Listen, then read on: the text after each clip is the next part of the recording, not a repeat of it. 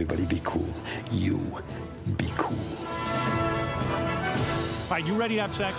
Use a good kiss. We come in peace. We come in peace. You are the motherfucking Antichrist! We're gonna let you go, okay? Ok. Film er best på radio. I'm gonna make him an offer he can't refuse. Nova Noir.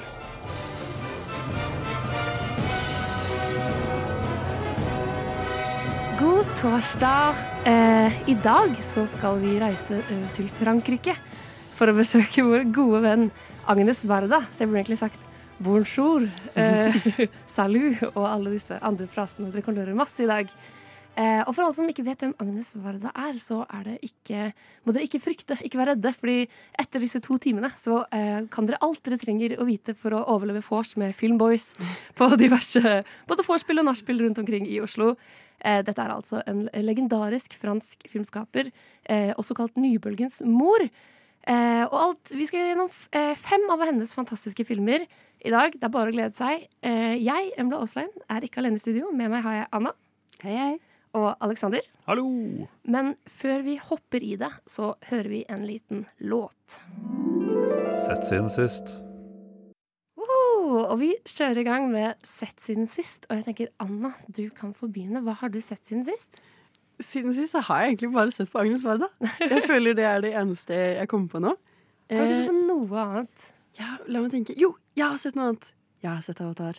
Nei, og, og den så du jo faktisk med oss Ja, alle vi tre så jo Avatar Mm. sammen. eh, i Colosseum, på Colosseum. Sal Sal 1. Det gjorde vi. Sal 1. 3D. Norges storstue. Ja. Ja.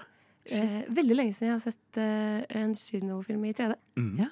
Det var litt magisk eh, opplevelse, det i seg selv. ja, det var det jo. Det var jo en eh, følelse å sitte i sal 1 på Colosseum og se Avatar 10-11 11 år senere. Ja. Siden den første kom. Men eh, for den lytteren som ikke vet hva Avatar er, kan du prøve å gi oss en liten Herregud. innføring? Avatar The Way of Water. Det er jo oppfølgeren til den ikoniske, det kan man vel si. Avatar 1. Den heter vel bare Avatar? Jeg Ja. tror det. Ja. Avatar. Mhm. Enkelt og greit. Ja, men da følger vi jo Jake Sully og familien, da. Elleve år senere. Ti år senere. Ja. Som det er i filmen. Han har da blitt familiefar. Det har han fått masse barn. Masse barn. Masse små avatarbarn. Og menneskene er tilbake. De er tilbake. Veldig brått også. Plutselig kom de. Ja. Ja. Eh, ti år fred, får ikke noe forklaring, men plutselig er menneskene tilbake for å ta opp kampen. Mm. Og ikke bare menneskene, men også eh, det samme mennesket som var hovedskurken i den forrige filmen, er jo da Mm. tilbake. Det føler jeg ikke er en spoiler, for det skjer jo den, det første, Ja. de første fem minuttene. Lov å si. Ja. Og han er lagret på en minnebrikke. Så selv om han døde, så var han ikke egentlig død. Han var på en minnebrikke. Ja. Ja, tenk at de har tatt inspirasjon fra Hotell Cæsar. Det er litt stas.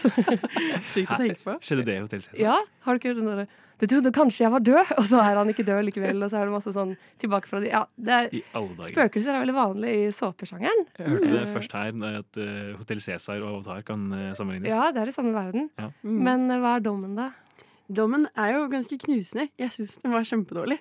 Ja. Eh, ja, jeg føler Vi er vel kanskje ganske enige om at det ikke var så bra. Jeg tror dere har mer eh, knusende erfaring enn jeg hadde. Jeg følte at det i hvert fall til dels er en effektiv actionfilm som Mm. det går an å se på kino med familien og ha en, en eh, fin opplevelse med det. Den er jo for lang.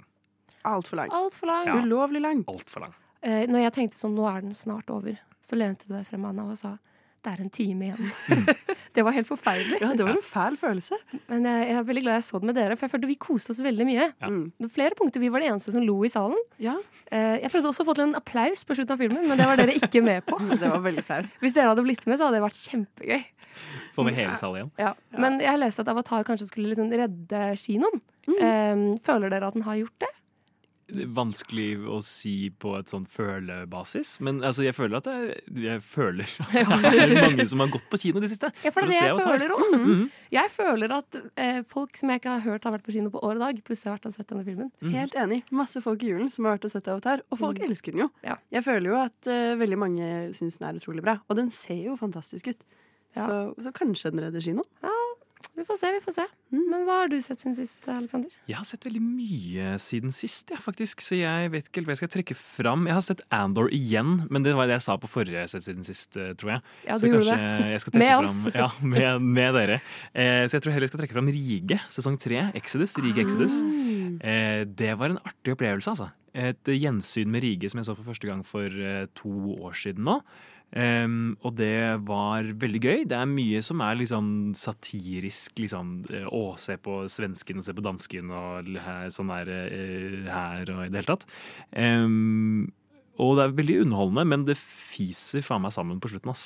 Men det er eh, sykehusserien Ja. til Lars von Trier. Det stemmer. Det høres ut som et helt vilt konsept, bare det. Det er jo den danske Twin Peaks, Ja. eh, og det har han jo vært ganske åpen om, så vidt jeg har forstått. At det er meget inspirert av Twin Peaks, eh, stemningsmessig eh, i det hele tatt. Eh, en litt sånn overnaturlig take på, på sykehussjangeren, sykehusdrama, på en måte. Eh, og ja, veldig, veldig underholdende. Er liksom filmet i den her liksom sepia-tonen som er liksom typisk for uh, disse dogmefilmene fra 90-tallet. Ja. Uh, og det er jo potensielt det siste han lager, for han er jo syk, stakkar.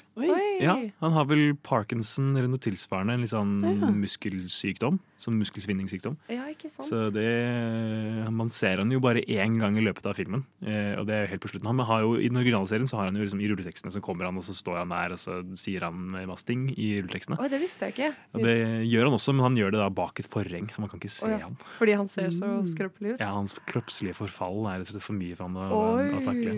Det, ja. Men sesong tre var ikke like bra. Det er veldig gøy. Ja. Eh, problemet er at det er, det, det er jo åpenbart en veldig vanskelig serie å avslutte. Ja. Eh, og han får det ikke til. Oh. Men det er veldig gøy fram til det. Ja, ikke sant. Ja. Og trist når liksom legacyen din er at eh, den siste filmen du lager, eller siste serien, da, Ja. måtte bare falle litt fra hverandre. Ja. Det er en trist måte å slutte på. Ja, det, Men uh, jeg skal sjekke det ut. Eh, det finnes på Viaplay. ja, ikke sant? Nydelig. Jeg har begynt å se på uh, på nytt, fordi jeg er veldig glad i å rewatche. Hvis du først finner en hit, så bare se det igjen og igjen, tenker jeg. Uh, og jeg ser Girls på nytt. Ja! Har dere Ah. sett Girls? Jeg har sett Girls Ja. tre ganger. Åh, det er gøy å høre. Ja. Har du, Aleksander? Jeg har fått det varmt anbefalt av min onkel. Oi, det er.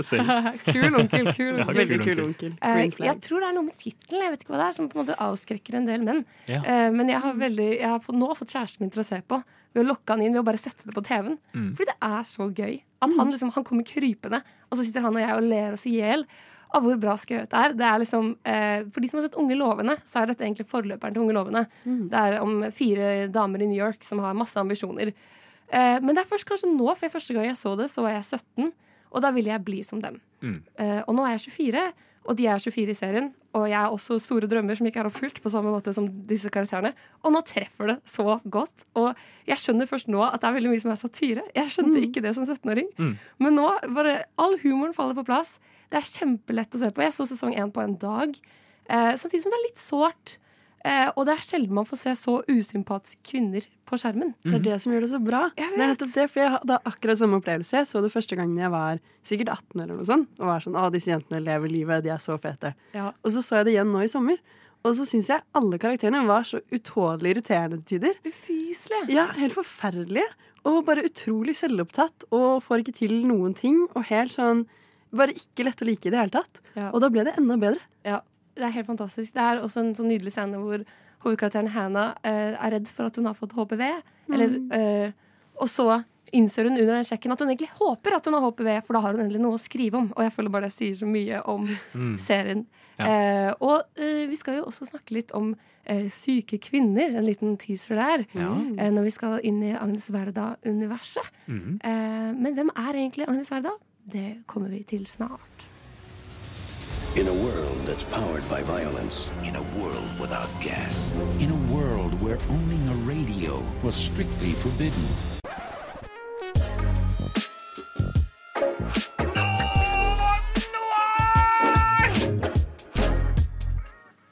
Du hører på Nova Noir, og vi skal snart gå gjennom eh, Agnes Varda sin fantastiske filmografi. Men før det skal vi snakke litt om filmnyheter. Uh, Uh. og jeg har, sånn, eh, jeg har gjort det til en liten eh, lek. Så, ja, ikke sant? Gøy. Eh, det er gøy. Eh, så um, det som er, er at NFI nå har sluppet eh, Den norske filmvåren. eh, med liksom de store kinofilmene som kommer mm. i eh, dette semesteret. Og da slipper de med et lite bilde og en liten tekst. Så jeg tenkte å lese opp noen av disse filmene for dere, og så må dere gi dem terningkast fra én til fem. Fra én til seks, som er terningen, ja. Vi legger ut på seks her nå. Én til seks på hva dere tror hvor, liksom, på hvor bra denne filmen kunne være, og hvilken dere tror kommer til å liksom, ta kaka. Ok, Får vi noe kontekst, eller bare det tittel? Dere får eh, tittel og noen par setninger. Ok. Ok, Så vi begynner med det som jeg kanskje tror er storsatsingen, eh, nemlig filmen Munch. Oh. Eh, Munch er storfilmen om en av verdens største kunstnere gjennom tidene. Ved å skildre fire, fire definerende perioder i Edvard Munch sitt liv gir filmen et intimt innblikk i et særegent og unikt kunstnersinn. Oi. Eh, sjanger er altså drama. Den kommer 27. januar på kino, så veldig Oi. snart. Og det er Henrik Martin Dalsbakken som er regi? Det stemmer. Hva tror dere? Flopp eller topp? Topp. Topp? Jeg tenker med en gang Jeg har ikke sett det før. Mm. Det Ja, er sant. veldig eh, jeg, jeg føler ikke jeg kan noe om Munch i det hele tatt. Til å bo i Norge. Var det ikke en sånn NRK-serie eller film som kom ut for noen år siden som handlet om Munch, som ble veldig, som ble veldig godt mottatt? Jeg føler at det var noe sånt noe. Det var vel et dokumentar? Ja, men ja, dokumentar. Ja, for ikke, det ikke har ikke vært noe fiksjon på han Nei. ennå, tror jeg. Absolutt. Jeg mener husk at noen prøvde Jeg føler at det var Erlend Lo, men dette kan være et falskt minne. Ja. Som prøvde å pitche en Munch-TV-serie. Det kan godt være. Uh, det men høres ut Som han. Ja. Ja. Ok, fordi, eh, men jeg tenker med en gang eh, En av mine favorittfilmer, Mishima, har litt lignende premiss. Ja. Dette med å skildre, skildre forskjellige epoker i ens liv. Mm. Og jeg håper veldig at jeg kan Jeg ønsker meg veldig noe som ligner på det. Ja. Da tenker jeg særlig på det veldig sånn slående visuelle aspektet. For der føler jeg virkelig at man kan, man kan få inn noe med, med Munch-tematikken. Mm. At man kan virkelig Ja. liksom, hvis man klarer å involvere hans liksom, eh, visuelle univers inn i filmen, Mm. hadde det vært veldig veldig kult. Ja. Ja. Det er veldig mange kreative måter å framstille det på, føler jeg. Det er jo den Vincent som kom for noen år siden. Ja, sant det. Eh, hvor de på en måte har laget alt i hans stil. Eh, Det er veldig kult. Men jeg så et stillbilde fra Munch eh, som er liksom Sikkert helt fra den aller første boken i hans liv. Veldig lys, veldig mye sånn fint. Og jeg håper liksom at de klarer å skildre det veldig mørke og kjipe. Jeg tror det blir kjipere og kjipere jo Ja, etter han det- blir rett jeg. Som det ofte blir. Ja, jeg tror denne filmen eh, dessverre kommer til å floppe, skal jeg være ærlig. Ja, For jeg så en trailer som bare ikke traff meg helt. Men jeg håper at den ikke flopper. Jeg håper det er en sekser. Mm. uh, men jeg tror det blir flopp. for Han lagde jo en film som kom ut i fjor, uh, Henrik Martin Dalsbakken, som het De uskyldige, eller noe sånt. Eh, De fredløse, tror jeg Ja, det var den het. En sånn en, en filmatisering av en norsk historie fra 30-tallet, tror jeg. Eh, En litt sånn Ja, jeg, nå er jeg ikke helt sikker på hva han Jeg har ikke sett den, men det var en flopp. Uh, stor flopp som ingen dro på kino for å se. Eh, så det kan jo dessverre være at eh, han gjentar eh, Ja. det. Det er sant. Men samtidig, det er en tematikk som kan lokke veldig mange eh, til kino som kanskje ikke nødvendigvis ellers ville dra på kino. Ja. Se for meg. Biopic om Edvard Munch, det er jo litt kult. Ja, Vi får håpe. vi får håpe. Eh, vi hopper til en annen stor satsing, nemlig La elva leve. Eh, den har jo premiere på TIFF nå snart. Den handler om Ester som flytter til Alta høsten 1979 og begynner i sin første jobb som lærervikar. For å passe inn i kollegiet holder hun sin samiske bakgrunn skjult. Men Ester sin fetter er sameaktivist og deltar i demonstrasjoner. Og derfor blir hun liksom dratt inn i den uh, verden og må ta stilling. Uh, her har jeg sett noen klipp på blåskjerm. Uh, og det var veldig bra, altså. Så nå farget jeg deres eh, blikk litt. Men er dette en film dere tror folk kommer til å dra og se? Jeg tenker kanskje ja. Uh, fordi Sameblod kom jo ut for ikke så altfor mange år siden. Eh, og den, den syns jeg husker gjorde det ganske bra. Det var litt snakkis. Folk eh, liksom gikk og så den. Ja. Og så har vi jo Det er jo ikke noe vi egentlig har brukt opp som tema. Jeg føler folk gjerne kanskje kunne vært interessert i å se og høre mer Mm. om det. Og så har jeg også hørt Jeg vet ikke om dette er eh, som du sier, et falskt minne, men jeg har, føler jeg har hørt mye bra. Det har vært snakket om den lenge. Ja. Så kanskje det er noe folk har fått med seg, at det kommer. Kanskje. Jeg er bare redd for at det er en tematikk som ikke kommer til å fange et bredt publikum. ja at det sikkert kommer til å treffe et mindre publikum. Folk som er opptatt av tematikken, og kanskje folk som husker tilbake til Attaksjonen og, mm. eh, og sånne ting. Men at det ikke kommer til å fenge et eh, større publikum, dessverre. eh, er jeg Ja. redd for. Jeg håper at dette blir den store snakkisen, men det kan jo hende at Munch tar kaka. Mm. Eller også Tina Bettina 2, som for så vidt også kommer denne våren. Eh, vi kjører på med en til. Er, den her har du hørt om, eh, Anna. Mm. Det er eh, filmen Norwegian Dream. Polske Robert, 19 år, flytter fra Polen til Norge for å jobbe på laksefabrikk og tjene pengene til seg og moren sin. Der forelsker han seg i norske Ivar, 19 år. Et forhold han må holde skjult for de konservative polske arbeiderne han jobber og bor sammen med. Så på en måte som du kalte det, en norsk-polske Call Me By Your Name. Mm. Satt i Steinkjer. Nei, Satt i Trøndelag Steinkjer. generelt. Ja, satt i Trøndelag. Regissør Leiv Igor Devold. Eh, premiere 17. mars. Jeg er veldig gira på den her. Jeg tror den kommer til å bli dritfin. Men eh, hva er deres førsteinstinkt? Det er jo åpningsfilmen på Kosmorama, og det syns jeg er et veldig green flag. Ja. Det, Det liker jeg. Og um, jeg tror kanskje det er liksom eh, Det sto vel litt om det i en artikkel de skrev om den, at dette er noe man ikke har laget i norsk film før. Dette er liksom veldig, egentlig ganske populære Come Me By Your Name-konseptet. på en måte, Og så syns jeg det er en veldig bra take, det her med å liksom sette det å være en polsk arbeider i, i Norge, og være ung, og, og være i en setting som ikke liksom slår deg som typisk Ja, at man er liksom arbeidere eh, fra en litt eh, kanskje vanskeligere økonomisk situasjon. da. Det syns jeg også er, kommer til å kanskje gi den noe mer enn bare konseptet skeiv kjærlighet i Trøndelag. Ja. Hva tenker du, Alexander? Jeg vet ikke. Det, når det pitches inn som en norsk uh, Call Me By Name, så kan man jo håpe. Ja. Eh, og det er jo interessant. Altså det, akkurat det her med, liksom, med polsk eh, tilhørighet i Norge er jo et tematikk som blir tatt opp stadig, og, og også har vært relevant nå med en bok som har kommet nylig som heter 'Jeg er ikke din polakk'. Som har i hvert fall hatt noe oppmerksomhet i mindre litterære sirkler. Eh, eh, så forhåpentligvis kan det være noe som treffer bredt. Det håper jeg. Mm, det mm. håper jeg òg. Eh, og jeg merker også at veldig mange av disse filmene er satt i distriktene. Mm. Og det er litt kult. Jeg håper at dette blir et spennende film. Og at vi alle drar og ser disse på kino. Mm. Fordi der, det her var bare noen par av kanskje 15 17 filmer, tror jeg det Nei, ikke så mange. Ti filmer som kommer denne våren. Og så kommer det ti til til høsten. Og det er jo så eh, slående dårlige kinotall nå. Mm. Så jeg håper folk bare drar på kino. Litt samme hvordan det går. At bare, det blir masse, masse kinobesøk. Mm. Eh, og hvis dere vil lese mer om filmene som kommer, og de andre, så er det bare å gå inn på NFI, Filmvåren 2023. Men vi skal hoppe til eh, Frankrike, vi. Du lytter til Radio Nova. Ja, så vi skal nå hoppe inn i vår eh, Agnes Varda Varda-bit av sendingen. Eh, og jeg forbinder Agnes Varda eh, veldig med dere to. Før jeg egentlig visste noe særlig om henne, så, tenkte, så snakket dere veldig mye om Agnes Varda. Eh, og har vært veldig fans. Og for meg var hun kanskje litt mer denne fjerne karakteren jeg egentlig trodde var litt mer sånn sur fransk dame. Litt sånn som jeg ser på din ja, Eller litt sånn pretensiøs, eh, kul dame en, som en del av denne nybølgegjengen. Eh, men der føler jeg at jeg tok uh, grundig feil. For hvem er egentlig Agnes Varda? Ja, nei, Agnes Verda hun er jo hun er vel kjent som en litt sånn komisk figur, egentlig. Nesten som en føler- sånn Ghibli-karakter. Ja, nesten. Man har liksom dette bildet av denne lave, veldig morsomme gamle damen. Eh, som på en måte lager eh, mye forskjellig film, og veldig mye Hun er jo veldig på en måte inne på dokumentarer og spillefilm, veldig mye kortfilmer også. Men Agnes Varda hun er jo en fransk regissør, født i Brussel. Eh, og var en veldig stor del av den eh, nye bølgen i Frankrike. Veldig god venn med mange av disse store regissørene, Godard blant annet. Eh, og var også gift med Jacques Demy i en lang periode. Så hun er en sentral figur i den franske nye bølgen, kan man si. Men Alexander, du snakket om at det egentlig er Rive Gauche. Em, ja, eller at hun Det her er i hvert fall egentlig noe jeg plukket opp fra filmhistorie på Universitetet i København.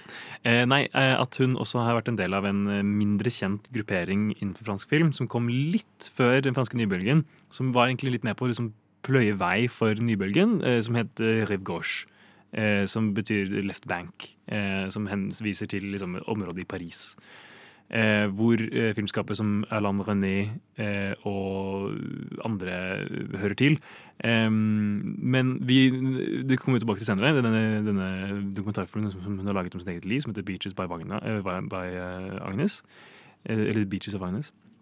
Der er det jo egentlig, der legges det jo opp til at liksom hennes filmatiske gjennombrudd kom gjennom filmskapere som Godard og Truffaut, som har da anbefalt henne inn til studioer. Men vi ser jo også at hun har laget ganske mye film før hun fikk sitt store gjennombrudd, som var den Cleo from 5 to 7, som er den første filmen vi skal snakke om. Um, men en mer liksom uh, leken uh, tilnærming med, uh, med veldig liksom nede på jorden-aktige tematikker. Som går veldig liksom på liksom én-til-én-forhold med mennesker. Og det er liksom det som hun er, som skiller seg veldig ut med, og som også er veldig typisk for nybølgen, som du ser med særlig Truffaut. da, Ikke så mye med, med Godard, men mer på liksom det, eller det eksperimentelle. Men det at man liksom går ned og skildrer mer dagligdagse hendelser og situasjoner. Hun slår meg egentlig veldig som eh, mer av en eh, kunstner enn en regissør. Jeg føler at Hun, hun drev jo med fotografi veldig lenge, og så føler jeg at hun egentlig bare falt litt inn i film. Og ble liksom spurt vil du lage en film, og så bare var hun ekstremt flink. Men hun har jo også drevet med installasjoner og har kanskje en veldig annen inngang enn det veldig mange andre regissører har, som jeg syns er litt inspirerende. Mange har jo sett på film hele livet sitt, blitt helt obsessed, og så vil de også lage film. Mens hun sa hun hadde sett ti filmer i en alder av 25. Som jeg syns var veldig eh, inspirerende og kult å høre. Mm. Men hvordan ble dere fans? Oi, det er et godt spørsmål. For meg så begynte det nok eh, Det begynte med Jeg så noe i forbindelse med filmhistoriefaget. Eh, men det var særlig det året hvor hun døde, som jeg ikke husker helt akkurat nå. Det var vel 2018, kanskje? 2019. 2019, 2019 var det. Det er ikke lenge siden. Eh, for da hadde jeg Mubi, og Mubi hadde en stor samling med Agnes Varda sine filmer. Eh, litt tilfeldig rett før hun døde, eh, så da så jeg noe av det der. Eh, særlig hennes kortere eh, dokumentarer. Eh, Strulu Ben var kanskje det første jeg så, faktisk. Eh, og den blåste meg helt bakover. Og den gleder jeg meg masse til vi skal snakke mer om etterpå. Eh, og så var det da jeg hadde korona i 2021 at jeg virkelig liksom satte inn støtet og fikk sett masse av hennes filmer. Mm. Jeg tenker Mubi er et veldig bra ord der, for det var jo definitivt min inngang også. Eh, det startet med at jeg liksom begynte å se mye av nybølgefransk film. Eh, og så så jeg Le Bonheur. Det er den første Agnes Varda-filmen jeg så. Um, og syntes den var veldig annerledes. Jeg følte at jeg satt i en situasjon hvor jeg hadde sett veldig mye likt, og veldig mye jeg følte ikke nødvendigvis ga meg så mye. Og så følte jeg at det var noe annet ved det Agnes Varda lager. Og det står jeg med fortsatt. At jeg føler dette er definitivt eh, noe veldig, veldig annerledes. Eh, og Agnes Varda føler jeg også Det som kanskje er mye av appellen med henne, og i hvert fall har vært appellen for meg, er det du nevnte, Emla, med at hun er jo en kunstner. Hun er en multimediekunstner. Hun er virkelig ikke bare en filmskaper, hun er bare en skaper. Eh, Oh. Og det syns jeg er veldig, veldig kult, og det kommer også veldig mye fram i filmene hennes. Spesielt i senere filmene hennes også. Vi skal jo nå eh, gå gjennom fem av filmene fra hennes repertoar og prøve å analysere hennes stil og tematikker og hva som på en måte kjennetegner henne, om det er mulig å klare å oppsummere. Eh, og vi begynner i 1962 med eh, Cleo fra fem til syv. Si grave. J'ai vu le cancer. Elle est perdue. Si c'est ça, je me tuerais. Encore un truc pour qu'on te dise qu'on t'aime C'est elle, c'est vous, mademoiselle, moi qui aime tant votre voix. Il me fatigue avec son emploi du temps, j'ai envie de le laisser. Og vi begynner med Cleo fra fem til syv. Eh, som jeg hele tiden tenker heter Cleo 9 to 5. det er veldig instinkt, men det er ikke, det er ikke 9 to 5. Det er eh, Som kanskje var hennes gjennombrudd, som vi sa, men ikke, det var vel andre spillefilm. Eh, og i den så følger man Cleo, som er en utrolig vakker, sånn nesten irriterende vakker eh, person. Eh, som begynner hos en, en sånn eh, tarotkortleser Mm. eh, og får vite at hun snart skal dø. Samtidig som hun går og venter på eh, resultater fra en time hos legen og frykter at hun kanskje har kreft. Og så følger man henne i sanntid, fra hun er hos den tarotkortleseren til hun skal få resultatet eh, 1830 hos legen. Så man følger henne på en måte i to timer, går rundt gjennom byen og alle de rare menneskene og digresjonene og tingene som skjer med henne i den tiden hvor hun venter på det hun føler er en dødsdom. Eh, og vi kan jo begynne med deg, da, Anna. Hva, hva syns du om Cleo 5 til 7? Ja, det, det er egentlig litt morsomt som du nevnte med Girls tidligere, og det her å skrive karakterer man kanskje ikke føler så veldig mye sympati for. For Cleo er jo en karakter man ikke nødvendigvis, i hvert fall jeg, opplever at jeg føler noe sympati for. Hun er veldig melodramatisk og veldig opptatt av at hun skal dø. Og eh, første gang jeg så denne filmen, så tenkte jeg mye på at det virker som hun vil eh, få denne vonde beskjeden om at hun har uhelbredelig kreft. At hun nesten innerst inne håper litt på det. Det er Eh, spennende. Hva får deg til å tenke det, tror du? jeg føler mye av filmen, i hvert fall denne dialogscenen hvor hun har eh, disse to komponistene. Hun er jo en sanger, eh, og de er her for å hjelpe henne å på en måte øve på sanger og synge sanger. At hun snakker om at alle eh, skjemmer meg bort, men ingen elsker meg egentlig. Det var bra sitat. Mm. Ja, veldig bra sitat. Og det føler jeg spiller mye på at hun har denne forventningen om at hvis hun får denne beskjeden, da kommer folk endelig til å elske henne på ordentlig. Hvis de vet at hun snart kommer til å dø. Ja. Jeg er veldig enig med deg i det, men- eller mer det at hun kanskje er mer ute til den oppmerksomheten. da. Mm. At folk liksom uh, vier henne mer en oppmerksomhet enn liksom et objekt. Mm. For uh, vi møter henne for det meste liksom gjennom mennene rundt henne. Uh, eller ikke egentlig for det meste. Det er, hun har flere gode venninner som hun også relaterer seg til. Men det er veldig tydelig at hun eh, tillegger veldig mye vekt til det mennene i hennes liv eh, mener om henne og, og, og synes. Eh, og de er eh, ofte bare opptatt av henne som liksom et middel, et eh, objekt. Eh, hun har en mann som hun holder på med, som egentlig er veldig liksom bare inn og ut av livet hennes. Kommer for, for et kyss, og så er han borte igjen. Eh, virker liksom veldig overflatisk eh, interessert i henne. Eh, og disse musikervennene, selv om de er veldig morsomme, er de jo også liksom Det handler mest om musikken, på en måte, ikke så mye om henne som person. Og de latterliggjør henne egentlig ganske mye Mm. gjennom den scenen hvor vi møter henne der. Mm. Uh, Ja, Alle syns liksom at hun er litt melodramatisk og teit. Mm. Og utseendet hennes uh, er på en måte nesten hele hennes verdi, føler jeg. Eller utseendet og stemmen. Mm. Eh, og hun har jo veldig mange sånne scener hvor hun ser seg selv i speil. Spesielt første halvdel av filmen. Hun ser seg nesten Mm. bare i speil hele tiden. Mm. Eh, og føler at hun på en måte tenker at hvis hun blir syk og, eh, eller mister Altså sykdom, noe som råtner At hvis hun liksom svinner hen, så mister hun alt hun har av verdi. Mm. Eh, samtidig som du sier Kanskje hun håper det litt Da er, er det litt sånn syk pike Kristoffer Borgli Ja. over det. Mm. Litt sånn Hun vil ha et eller annet som noen kan se henne for. Eh, samtidig som denne filmen minner meg veldig mye om Oslo 31. august. Eh, bare at eh, ikke sant, han går rundt i, i Oslo og ser liksom, er dette livet verdt å leve, eller er disse stundene verdt å ha. Og det føler jeg Cleo gjør også.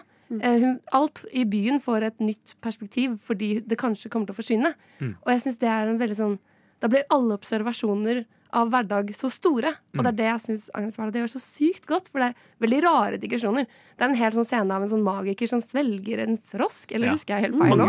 Ja, ja. Det er forferdelig rart. Mm. Men, så de tingene hun opplever, er jo kjemperare. Mm. Men de får så utrolig uh, mye verdi, da. Mm. For jeg føler jo også at uh, helt i starten, den tarotscene- tarot hvor hun leser i kortene, så, så venter hun jo på deg. Hun sier sånn 'Jeg vet at jeg kommer til å dø. Jeg vet Mm. at du kommer til å få kortet som viser døden.' Jeg, jeg vet det. Og det er nesten som en slags forhåpning i stemmen hennes når hun sier det òg. Mm. Og så føler jeg også, der har man jo det aspektet med eh, klokkene som tikker i bakgrunnen. At tiden går. Og eh, Cleo er veldig opptatt av at eh, for hvert minutt som går i livet hennes, så blir hun mindre vakker. Hun er på en måte på høyden av sin skjønnhet. Eh, og snakker om det også. Hun har en scene hvor hun prøver hatter. Mm. Eh, hvor hun er sånn 'Jeg elsker å se meg i speilet. Alt kler meg. Ja. Alt ser bra ut på meg'. Eh, og det, det er en så sånn usympatisk ting å si. Sånn, man blir helt sånn 'Åh, du er så selvopptatt', på en måte. Og så føles det samtidig som du nevner at Eller det nevnes at eh, eh, folk er ikke egentlig interessert i Cleo. Eh, men jeg føler ikke nødvendigvis at hun heller er interessert i folk selv. Nei. At hun tar liksom ikke Hun er ikke i dybden på noen av relasjoner, bortsett fra venninnen sin. Ja, for det er da det snur. Ja. Eh, og det tenkte jeg også over, eh, fordi hun møter en venninne som jobber som aktmodell. Og så blir Cleo sånn 'Å, syns du ikke det er flaut at folk ser deg naken?' Eller liksom, blir du ikke re-" Og hun er bare sånn 'Nei, eh, jeg er ikke bare en kropp, jeg er også en Mm. idé'. Og, og det føles som det endrer noe i Cleo. Og da er det også, leste jeg på internett, eh, et speil som knuser. Og det er det siste Ja, speilet man ser i hele filmen. Mm. Ah. Og etter det så liksom åpner hun mer opp for verden rundt. Så det er veldig mange sånn små hint og gøyale easter eggs, holdt jeg på å si, som det, Ja. som man legger merke til. Og man hører jo også um, Jeg er ikke sikker på om det er sant, men er det, er det kanskje den eneste liksom, interne monologen? Fordi man hører jo eh, hun eh, venninnen, aksmodellens eh, interne monolog, Ja. når, eh, når Clea kommer inn. At hun er sånn 'Å, der er hun, hun er så vakker', og bla, bla, bla. Så det er liksom åpenbart også liksom eh, Cleo misunner venninnens liksom frihet. Eh, mens eh, venninnen da selvfølgelig misunner Cleo liksom hennes skjønnhet, på en måte. Som nesten er et slags fengsel for Cleo, på en måte. Mm. I hvert fall særlig tidlig i, i filmen. Og også fordi det liksom det tvinger henne inn i en rolle, særlig overfor menn, men også overfor andre kvinner, eh, hvor hun på en måte nettopp da blir jeg tror også blir liksom dømt for sin skjønnhet. At kvinnene eh, misliker henne litt fordi hun er så pen, og mennene bare vil ha skjønnheten hennes. Mm. Eh, og at det på en måte blir et slags fengsel. Samtidig som hun vet at liksom, det er det eneste også hun har, som hun ikke kommer til å ha for alltid. Mm. Altså sånn Skjønnhet er jo kanskje noe av det som har minst verdi. Fordi det, det, du kommer til å bli gammel. Du kommer, altså, du kommer ikke til å se sånn ut for alltid. Det er liksom igjen den tikkende klokken av at alt som gir henne noe av det hun har, Mm. kommer til å forsvinne. Så jeg synes det er utrolig sånn spennende tematikk, og veldig relevant nå eh, i 2023 også. Selv om denne filmen ble laget på 60-tallet. Mm. Men hva føler dere er sånn typisk Varda-trekk her? Hvis vi skal dra frem liksom hennes registemme For den ser jo veldig annerledes ut enn mange av de litt mer sånn gritty dokumentarene hun lager senere. Mm. Eh, Et trekk er dette som jeg tok fram med, med det at man får høre eh, andres interne monologer enn hovedkarakteren. Det ser vi jo igjen i Vagabond, Mm. For eksempel. Og veldig sånn ja, andres eh, syn på en annen person. Mm. Eh, det er også sentralt i Vagabond at de liksom har en, tolkning av denne personen uten at man egentlig aldri får vite helt hva den personen selv mener. For Mm. selv om Cleo gir oss masse tanker og ideer om hva hun mener, så er det ikke alltid så lett å sette fingeren på hva hennes følelsesliv egentlig er. Ja. Eh, det føler jeg er veldig typisk Agnes Varda. At mm. du ser alltid noen utenfra, og så får du ikke vite fra deres eget Hva er. perspektiv. Ja. Mm. Og de potensielt usympatiske kvinnelige karakterene. Ja. Mm. Ja, som også kommer igjen i Vagabond, og også er tilfellet litt i Bonheur. Ja. Som vi Mm. ikke skal snakke om i dag. Da. Og da vi gikk gjennom uh, dagerotyp, ga- i vår fransk filmsending før jul, uh, så snakket vi mye om at det er sånn veldig sånn unikt syn på hverdagslige kjedelige aktiviteter. Og det føler jeg også går igjen i alt. Og også her. Det er en sånn fem minutter lang scene scene av at du i sanntid kjører bil med henne. Mm. Og det er ikke noe annet enn at du bare kjører bil. Mm. Men de klarer å gjøre det så utrolig vakkert. Eh, jeg får et helt sånn nydelig syn på kjedelige hverdagslige handlinger, og det føler jeg går igjen i nesten alle filmene hennes, egentlig. Mm. Uh, og vi skal hoppe litt lenger frem uh, til en unik liten uh, Kan man i det Det er vel en slags kortfilm? Um, Salule Cuba Jeg skal ikke prøve på fransk engang. Hei, hei Cuba!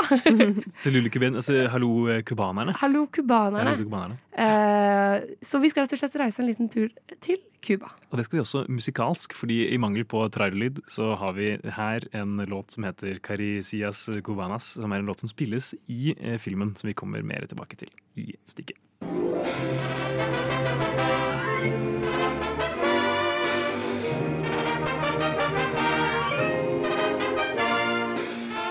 Lytter til Nova Noir hver torsdag 10-12 eller på podkast når du vil.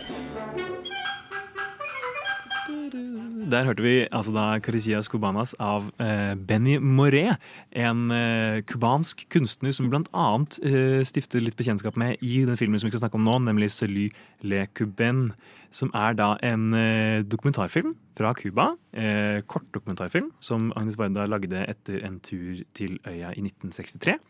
Eh, den er eh, sammensatt av eh, egentlig bare eh, Det var vel eh, Altså, hun tok 4000 stillbilder. Eh, eh, vet ikke nøyaktig hvor mange bilder som er brukt i filmen. 2000. 2000 er brukt Oi. i filmen. Ja, 2000 Mm. stillbilder som denne filmen består av. Eh, I tillegg til da en, en filmet del som er fra eh, utstillingen som Agnes Varda gjorde i Paris, tror jeg, eh, etter denne turen. Eh, den er utrolig fascinerende og livlig og liksom animert på en sånn veldig fascinerende måte. Hun hadde tatt veldig mange bilder gjerne av de samme motivene liksom i bevegelse. Så hun får liksom bildene til å danse i liksom oppstykket, da. For det har jo ikke liksom så mange bilder per, per sekund som man har i en spillefilm. Eh, som gjør at liksom bevegelsen føles eh, helt smooth. Her er det liksom mer oppstykket. Men det er utrolig sjarmerende og veldig unikt, syns jeg. Ehm, ja, jeg sender ordet videre. Embla, hva syns du om denne filmen? Oh, jeg syns den var vanskelig å se på. Altså. Unnskyld. Men jeg, jeg syns den her Det var den jeg slet mest med. Eh, og jeg tror det er fordi det er så vanskelig å følge tråden. Mm. Fordi eh, når man liksom skal si hva denne handler om, så er det ja, det er liksom mange møter eller mennesker og steder på Cuba. Men hun hopper så sinnssykt fort mellom forskjellige små narrative fortellinger at jeg på et punkt var bare sånn Jeg måtte ta på pause og liksom puste litt. Mm. Fordi, eh, og eh, dette er med liksom eh, 2023 attention span, hvor jeg bruker all min tid på TikTok. Og likevel så syns jeg det gikk for fort. Eh, samtidig som noen av historiene er veldig spennende, og du blir veldig med. Eh, og liksom eh, når hun forteller om en fyr som har gjort dette, eller 'å, her planter de sugar canes, eller liksom Du kan bli litt drevet med, men så bare brått klipper hun til en helt ny historie. Og ofte går bildene veldig, veldig fort.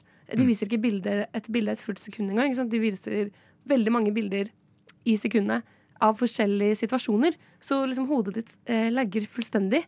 Eh, men hvis det er noe jeg fikk ut av den, så er det på en måte hvor eh, utrolig hyggelig hun må være. Mm. Fordi du ser på de bildene at alle hun møter, er trygge rundt henne. Ja. Det er Mm. ingen som er ukomfortable på noen av bildene. De smiler og eh, viser personlighet. Og hun har fått kjempeunik tilgang. Mm. Og det er kult å se. Men som en film så ble jeg ganske sliten. Mm. Jeg er veldig enig i et sånn Det er et punkt midt i hvor man blir sånn Å, nå ble det litt treigt. Fordi hun forteller en veldig spennende skildring av hvordan blant annet eh, eh, Castro, Fidel Castro, kom, eh, kom med båt til Cuba under revolusjonen, eh, og hvor forferdelig de hadde det. Og det er kjempeintenst og spennende. Hun har liksom tatt bilder av at de går gjennom sånne myrer, og at veldig mange av de døde underveis. Eh, og det er veldig sånn eh, fengende. Og så plutselig bare blir det litt rolig narrativ igjen. Og Ja. da, da datt jeg veldig av. Samme. Da sovnet jeg en bitte liten skvett. Ja, en liten lur. Men jeg har hoppet inn igjen. Det, det syns jeg er veldig imponerende på en film som er eh, 30 minutter lang. Ja, mer eller mindre. Eh, jeg syns denne her er helt fantastisk. Jeg elsker denne filmen. Hva, Eh, og jeg syns tror du Ja, jeg syns det er så fascinerende å elske den, for du ga den jo fem av fem stjerner ja, også. det, jeg syns det her er en perfekt liten film. Eh, og det eh, har nok liksom noe med at jeg syns Cuba er veldig fascinerende. Jeg har vært der selv eh, og er veldig fascinert. Liker musikken veldig godt og liker eh, historien veldig godt. Men så er det også bare liksom den energien som er gjennomsyret gjennom hele filmen. Den lekenheten eh, syns jeg er så utrolig meddrivende. Jeg kan se denne filmen her om og om igjen. Eh, jeg hadde lyst til å se den igjen med en gang jeg så den ferdig. Faktisk. Eh, og jeg syns dette liksom, grepet med stillbildene er så utrolig godt gjennomført. Eh, det her med at hun på en måte klarer å fortelle historier eh, i liksom bevegende bilder. Hun, får liksom, hun, hun viser bevegelse og dans og alt mulig rart. Og man får møte bilder, eller man får se bilder av Fidel Castro og Raúl Castro, broren Mm. hans. Og hun får tatt en tur på denne båten som de kjørte med, som du fortalte. Mm. Eh, jeg, nei, jeg syns rett og slett bare det er eh, helt fantastisk. Jeg kan ikke anbefale denne filmen her eh, høyt nok. Mm. Hun var på en måte den første vloggeren. Definitivt. Ja, men hun har liksom masse bilder hun bare vlogger sammen med litt musikk. Det, Ja, ja. Men jeg føler denne kortfilmen, hvis man på en måte har lyst til å få et innblikk i hva som er Agnes Verda, eh, og hvem hun er som karakter, så er det overraskende mye man ser av henne i det. Fordi, eh, som du snakket med også, hun, hun må jo være utrolig trygg å være rundt. Mm. Eh, fordi hun kommer så tett inn på alle, blant annet Castro. Eh, og får ta bilde av han i en veldig sånn spesiell setting. Jeg tror mye av det som gjør filmene til Agnes Wara så bra, er at hun er veldig genuint interessert Mm. i nesten alt hun velger å lage film om. Mm. Eh, Og sånn som her er hun åpenbart kjempeinteressert i liksom Cuba, som fortsatt er underveis i en revolusjon, og folkene som bor der, og hvordan de lever. Det, hun er kjempeinteressert i det. Og det får hun veldig fram, selv om hun er en veldig liten del av filmen. Hun er jo bare eh, Hun snakker over bildene sammen med en annen eh, mann, som jeg ikke Mm. vet hva heter. Men de bytter på, i hvert fall. Ja. Og, og jeg føler likevel den viser så mye av henne. Og det syns jeg er veldig fint. Jeg er enig, og jeg syns det er eh, veldig på en måte gøy laget, men jeg føler nesten ikke at det egentlig hører hjemme i filmkategorien. Det føles nesten litt sånn gråsone å ta med her, og nesten litt gråsone å skulle sånn eh, rate på Letterboxd. For jeg føler Mm. ikke Det føles som noe helt annet. Mm. Nesten mer som en sånn eh, utstilling, eller liksom Og det er biter av den som rørte meg veldig, og biter av den jeg bare ikke skjønte noe av, eller som gikk altfor fort eller for sakte. Eh, det føles ikke som en sånn sammenhengende greie. Og det føler jeg kanskje er noe som går igjen litt i alt hun gjør, er at det er sånn ubermange digresjoner. Mm. Så det kan være litt vanskelig å følge. Vi skal snakke om en annen film også, 'Beaches of eh, Agnes'. Mm. Som også bare er eh, Hele filmen er en digresjon. Og Ja. hvert poeng blir en ny digresjon. Eh, og for når det, ja, kanskje også nettopp fordi den er 30 minutter, så blir jeg aldri så veldig engasjert i en lengre historie. Eller eh, Og så kan jeg kjede meg litt. Det er på en måte noen sekvenser som er sånn tre-fire minutter lange, kanskje litt kortere. uh, hvor de liksom bare viser noen par forskjellige bilder av noen som danser med musikk til. Som jeg syns er veldig gøy til litt, men når de skal spille hele sangen Mm. mens de skifter mellom de samme bildene for å få det til å se ut som noen danser uh, Så jeg, bare, jeg blir litt sånn Ja, men nå kan vi gå videre. Uh, da, tålmodigheten min blir satt litt på prøve, da. Jeg syns det er så fascinerende å høre om, for jeg, jeg elsker disse scenene hvor de danser. Og jeg elsker, jeg elsker egentlig bare alt med denne filmen, eh, og syns det er helt nydelig å se på. Jeg, jeg, blir i hvert fall så engasjert selv av å se den at jeg kan liksom ikke se for meg at man kan sovne til den. Særlig liksom tempoet da er veldig høyt. Og jeg ehm, Ja. Eh, til å være liksom en dokumentar utrolig liksom, eh, fast pace, veldig liksom, livlig. Og det er liksom det at, at hun klarer å liksom, formidle så mye på så kort tid om liksom, et folk og et land og en historie. Eh, og i tillegg eh, klarer å liksom, snike med seg liksom, deler av seg selv og gjøre det hele basert på bare stillbilder på 30 minutter. Jeg syns det er helt utrolig imponerende. Men jeg skjønner, Ja. jeg skjønner innvendingen din om at det kanskje føles litt sånn gråsonen sånn filmmessig. da. Ja, Men jeg synes, det er på en måte ikke det at jeg syns det, jeg synes det er for mye Mm. informasjon. Så det er ikke det at jeg syns det går for treigt, for det går egentlig altfor fort. Mm. Uh, så med en gang jeg er engasjert, så bytter hun tema. Og så er jeg sånn, «Å ja, hæ?» Eh, og det er det som gjør at jeg tror til slutt hjernen min bare var sånn sov. Uh, så jeg sov bare et lite minutt, og så hoppet jeg tilbake. Men, eh, Mm. men jeg, jeg tror det rett og slett er, det er for mye. Ja, Jeg ble overstimulert. Jeg, skjønner, jeg kan skjønne hva du mener. For det er i hvert fall sånn, det er veldig uvant med det. Å se Ja. bildene hoppe så mye fram og tilbake. Og og veldig mye informasjon, som du sier. Mm. Utrolig at hun på en måte klarer å ha med så mye på så kort tid. Men jeg føler det her er jo et veldig godt eksempel på at hun er, et, hun er liksom et multimedietalent. Hun er en, en kunstner på mange måter. Og hun nevner jo også at, om jeg tror jeg skjønte det riktig, i hvert fall, at det i utgangspunktet er en utstilling eh, som hun hadde eh, i Frankrike, i Paris. Og så eh, har hun på hvert sånn OK, men her har jeg nok til å liksom lage noe mer. Mm. Og det, nå i dag så er det jo kanskje ikke så uvanlig at man på en måte tar det hoppet og, og gjør det på den måten, men, men i den tiden denne filmen kom ut, så er det ganske unikt at hun gjør det, og at hun gjør det til en film. At hun Mm. liksom tilgjengeliggjør et veldig unikt og spesifikt øyeblikk i historien i et land som Cuba. Eh, og det viser på en måte bare bredden til Mm. Varda. Og vi skal hoppe fra en eh, film som dette, som er eh, om veldig leken og sprudlende, til en film som kanskje mange vil kategorisere som mye tyngre. Det er spennende å høre hva dere syns. Vi skal til Vagabond.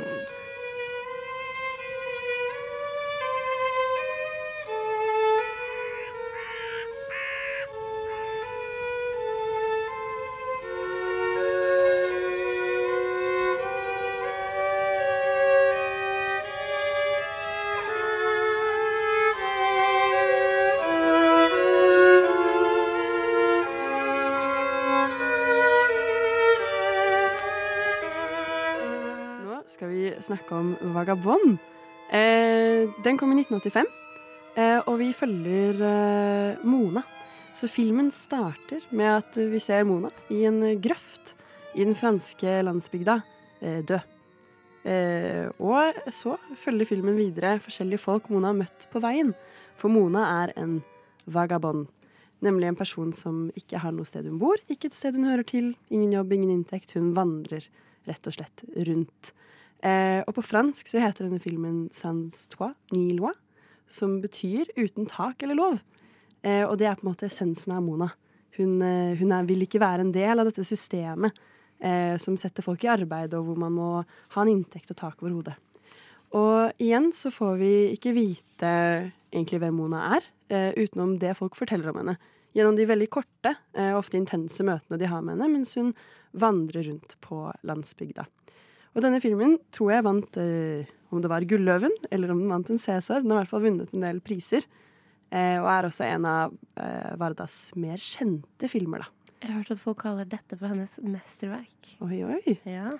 Ja. Så dette er potensielt toppen av kransekaka. Ja, ok. Ja, I hvert fall sånn uh, fiksjonsmesterverk Ja. kan jeg jo kanskje være enig i, men jeg vil jo si at uh, jeg liker i hvert fall dokumentarfilmen hennes bedre selv. Enig. Det er noen veldig interessante grep som brukes i denne filmen her, syns jeg. Ehm, for den er jo uh, Igjen så møter vi en litt sånn usympatisk hovedkarakter, kvinnelig hovedkarakter, eh, som vi jo blir kjent med gjennom henne og hennes handlinger. Men det er jo særlig i liksom møte med de som har møtt henne, og som, som snakker til kamera som om de er liksom intervjuet av De er vel kanskje intervjuet av politiet, da? Er vel I settingen, kanskje? I noen ser man at det er politiet som intervjuer dem, Ja. mens i noen så ser du at de snakker til noen andre, og noen ser du ikke hvem de snakker til. Ja. Det, er veldig, noen ganger er, ja, det er veldig interessant løst. Ja, Andre ganger så snakker de bare i telefonen med en venn om henne. Ja. Mm. Så veldig mange ulike settinger folk snakker om henne på. da. Ja. Så ofte så får du egentlig se en scene hvor hun gjør noe, og så Mm. får du etterpå høre noen fortelle om det, Mm. og hva de syns om det. Mm. Eh, veldig interessant grep, som man skulle tro gjorde det litt sånn frustrerende å se på filmen. Mm. Men jeg likte det grepet veldig godt. Jeg også, jeg likte det veldig godt. Eh, og det er liksom også det bidrar til at man blir litt sånn, kanskje litt mer nysgjerrig på denne karakteren. For man kommer liksom aldri helt inn på henne. Eh, hun har jo ganske mange liksom, nesten sånn motstridende egenskaper. Hun vil jo veldig gjerne ut og være liksom motsatt eh, samfunnet. Men når hun kommer til denne, eh, denne gården da, med han eh, John Lennon-aktige hippiefyren og kona og barnet, og blir liksom, eh, får liksom muligheten til å da faktisk eh, gjøre, gjøre seg selv til sin egen sjef, på en måte, eller i hvert fall ha eh, muligheten til å klare seg selv, eh, så møter hun henne bare med eh, altså, eh, altså liksom, Ja, vil liksom ikke egentlig gjøre noe. Hun er på en måte lat, hun vil ikke jobbe Ja. Eh, men tenker vi i hvert fall, fordi det er det han sier. Men så er det sånn, kan man stole på han? Ja. Men samtidig, hun sier noe veldig kult. Hun er sånn, jeg har hatt en sjef. Jeg har Ja. allerede rømt fra en jobb hvor jeg hadde en sjef. Jeg vil ikke ha deg som ny sjef. Og jeg er sånn, go Mona Selv om jeg syns det var veldig irriterende at hun ikke jobbet. da Mm. Hun bare sitter og leser og sover mens de andre jobber. Ja. Man liker jo ikke late mennesker heller. Man gjør jo ikke det. For, men det synes også det er veldig uh, Og dette er veldig sentralt for Varda, som vi snakket om, at hun er veldig opptatt av forfall. At ting liksom råtner og dør. Eh, og jeg, jeg har jo liksom i mitt hode så har jeg et bilde av en, en vagabond og liksom en person som er litt sånn ikke forholder seg til samfunnets regler, som litt kul. Det er, liksom, Mm. det er en livsstil som er kul. Men her setter Agnes Varda standard med å være liksom åpningsscenen med at bare sånn Denne personen er død. Utrolig død, liksom. I veikanten, alene. En helt sånn forferdelig skildring. Og dette er sånn hun dør. Og dette er sånn hun dør. Og så da får du vite at liksom her skal ikke være liksom en romantisering av hvordan det er å være en vagabond. Og det syns jeg er veldig sånn spesielt for henne. Måten hun gjør det på. Jeg syns jo, eh, jeg ble veldig møtt eh, av mine egne fordommer, på en måte. Fordi jeg hele tiden gjennom filmen tenker måter hun kan, eh, eller burde, klare seg på. Ved at hun møter kanskje snill, noen mennesker som virker snillere. da. Hvor jeg er sånn, gå til den nå, spør, få deg en jobb. Få deg. Jeg prøver hele tiden å liksom fikse livet hennes. Men det blir jo på en måte etablert for meg igjen og igjen at hun vil være fri. Hun vil ikke være i jobb, hun vil ikke, men samtidig fordi hun sliter med ting som å ha et sted å sove og få mat, og hun opplever ganske fæle ting på veien, så vil jeg hele tiden på en måte dra henne ut av det valget hun har tatt. Og det er egentlig det alle andre vil òg. Mm. Alle andre prøver jo å redde henne hele tiden, eller utnytte henne. Um, og jeg som ser, merker at jeg også sitter her og er sånn Hva er det du driver med? Uh, og ikke lar henne ta sitt eget valg, på en måte. da Om å ville være fri. Selv om er man egentlig fri? Er det egentlig en fri livsstil? Jeg vet ikke. Mm. Spennende. Og hvordan kan du på en måte være fri, egentlig? Sånn, Ja. Det er mange store spørsmål der. Men jeg føler også at det er veldig godt poeng det her med at man ser alltid andres ønsker om å dra henne ut av denne veien, på en måte, og stoppe henne i det. Eh, og vi får aldri vite hva hun selv vil, og egentlig hvorfor hun havnet der, utenom at hun nevnte at hun har hatt en sjef tidligere, og at det var ikke for henne. Mm. Eh, og veldig mye eh, En del kommentarer på liksom hvordan hun ser ut. Mm. Litt samme som Cleo, at mange sier hun er en vakker, ung jente. Mm. Og så sakte, men sikkert så er hun ikke som vakker, ung jente lenger. Og folk begynner å kommentere på at hun lukter skikkelig vondt, og Mm. at hun ser ut som et dyr, liksom, og sånne ting. Og det er et veldig sånn Hun starter som en ung, vakker jente, og så forfaller hun på en måte utover i filmen.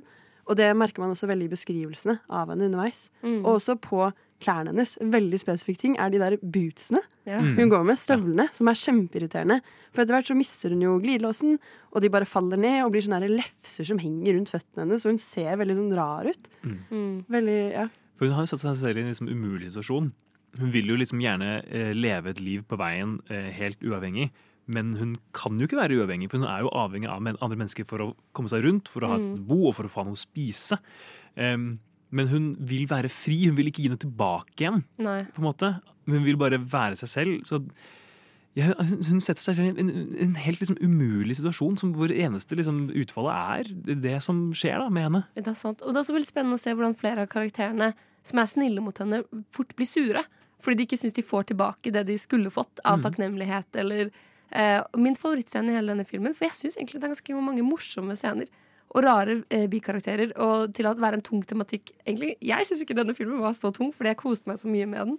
Men det er en scene hvor hun sitter og blir full med en gammel dame. Eh, Mhm. som eier en sånn rik mansion, og de bare sitter og snakker om livet mens de drikker seg drita. Og den scenen er så bra.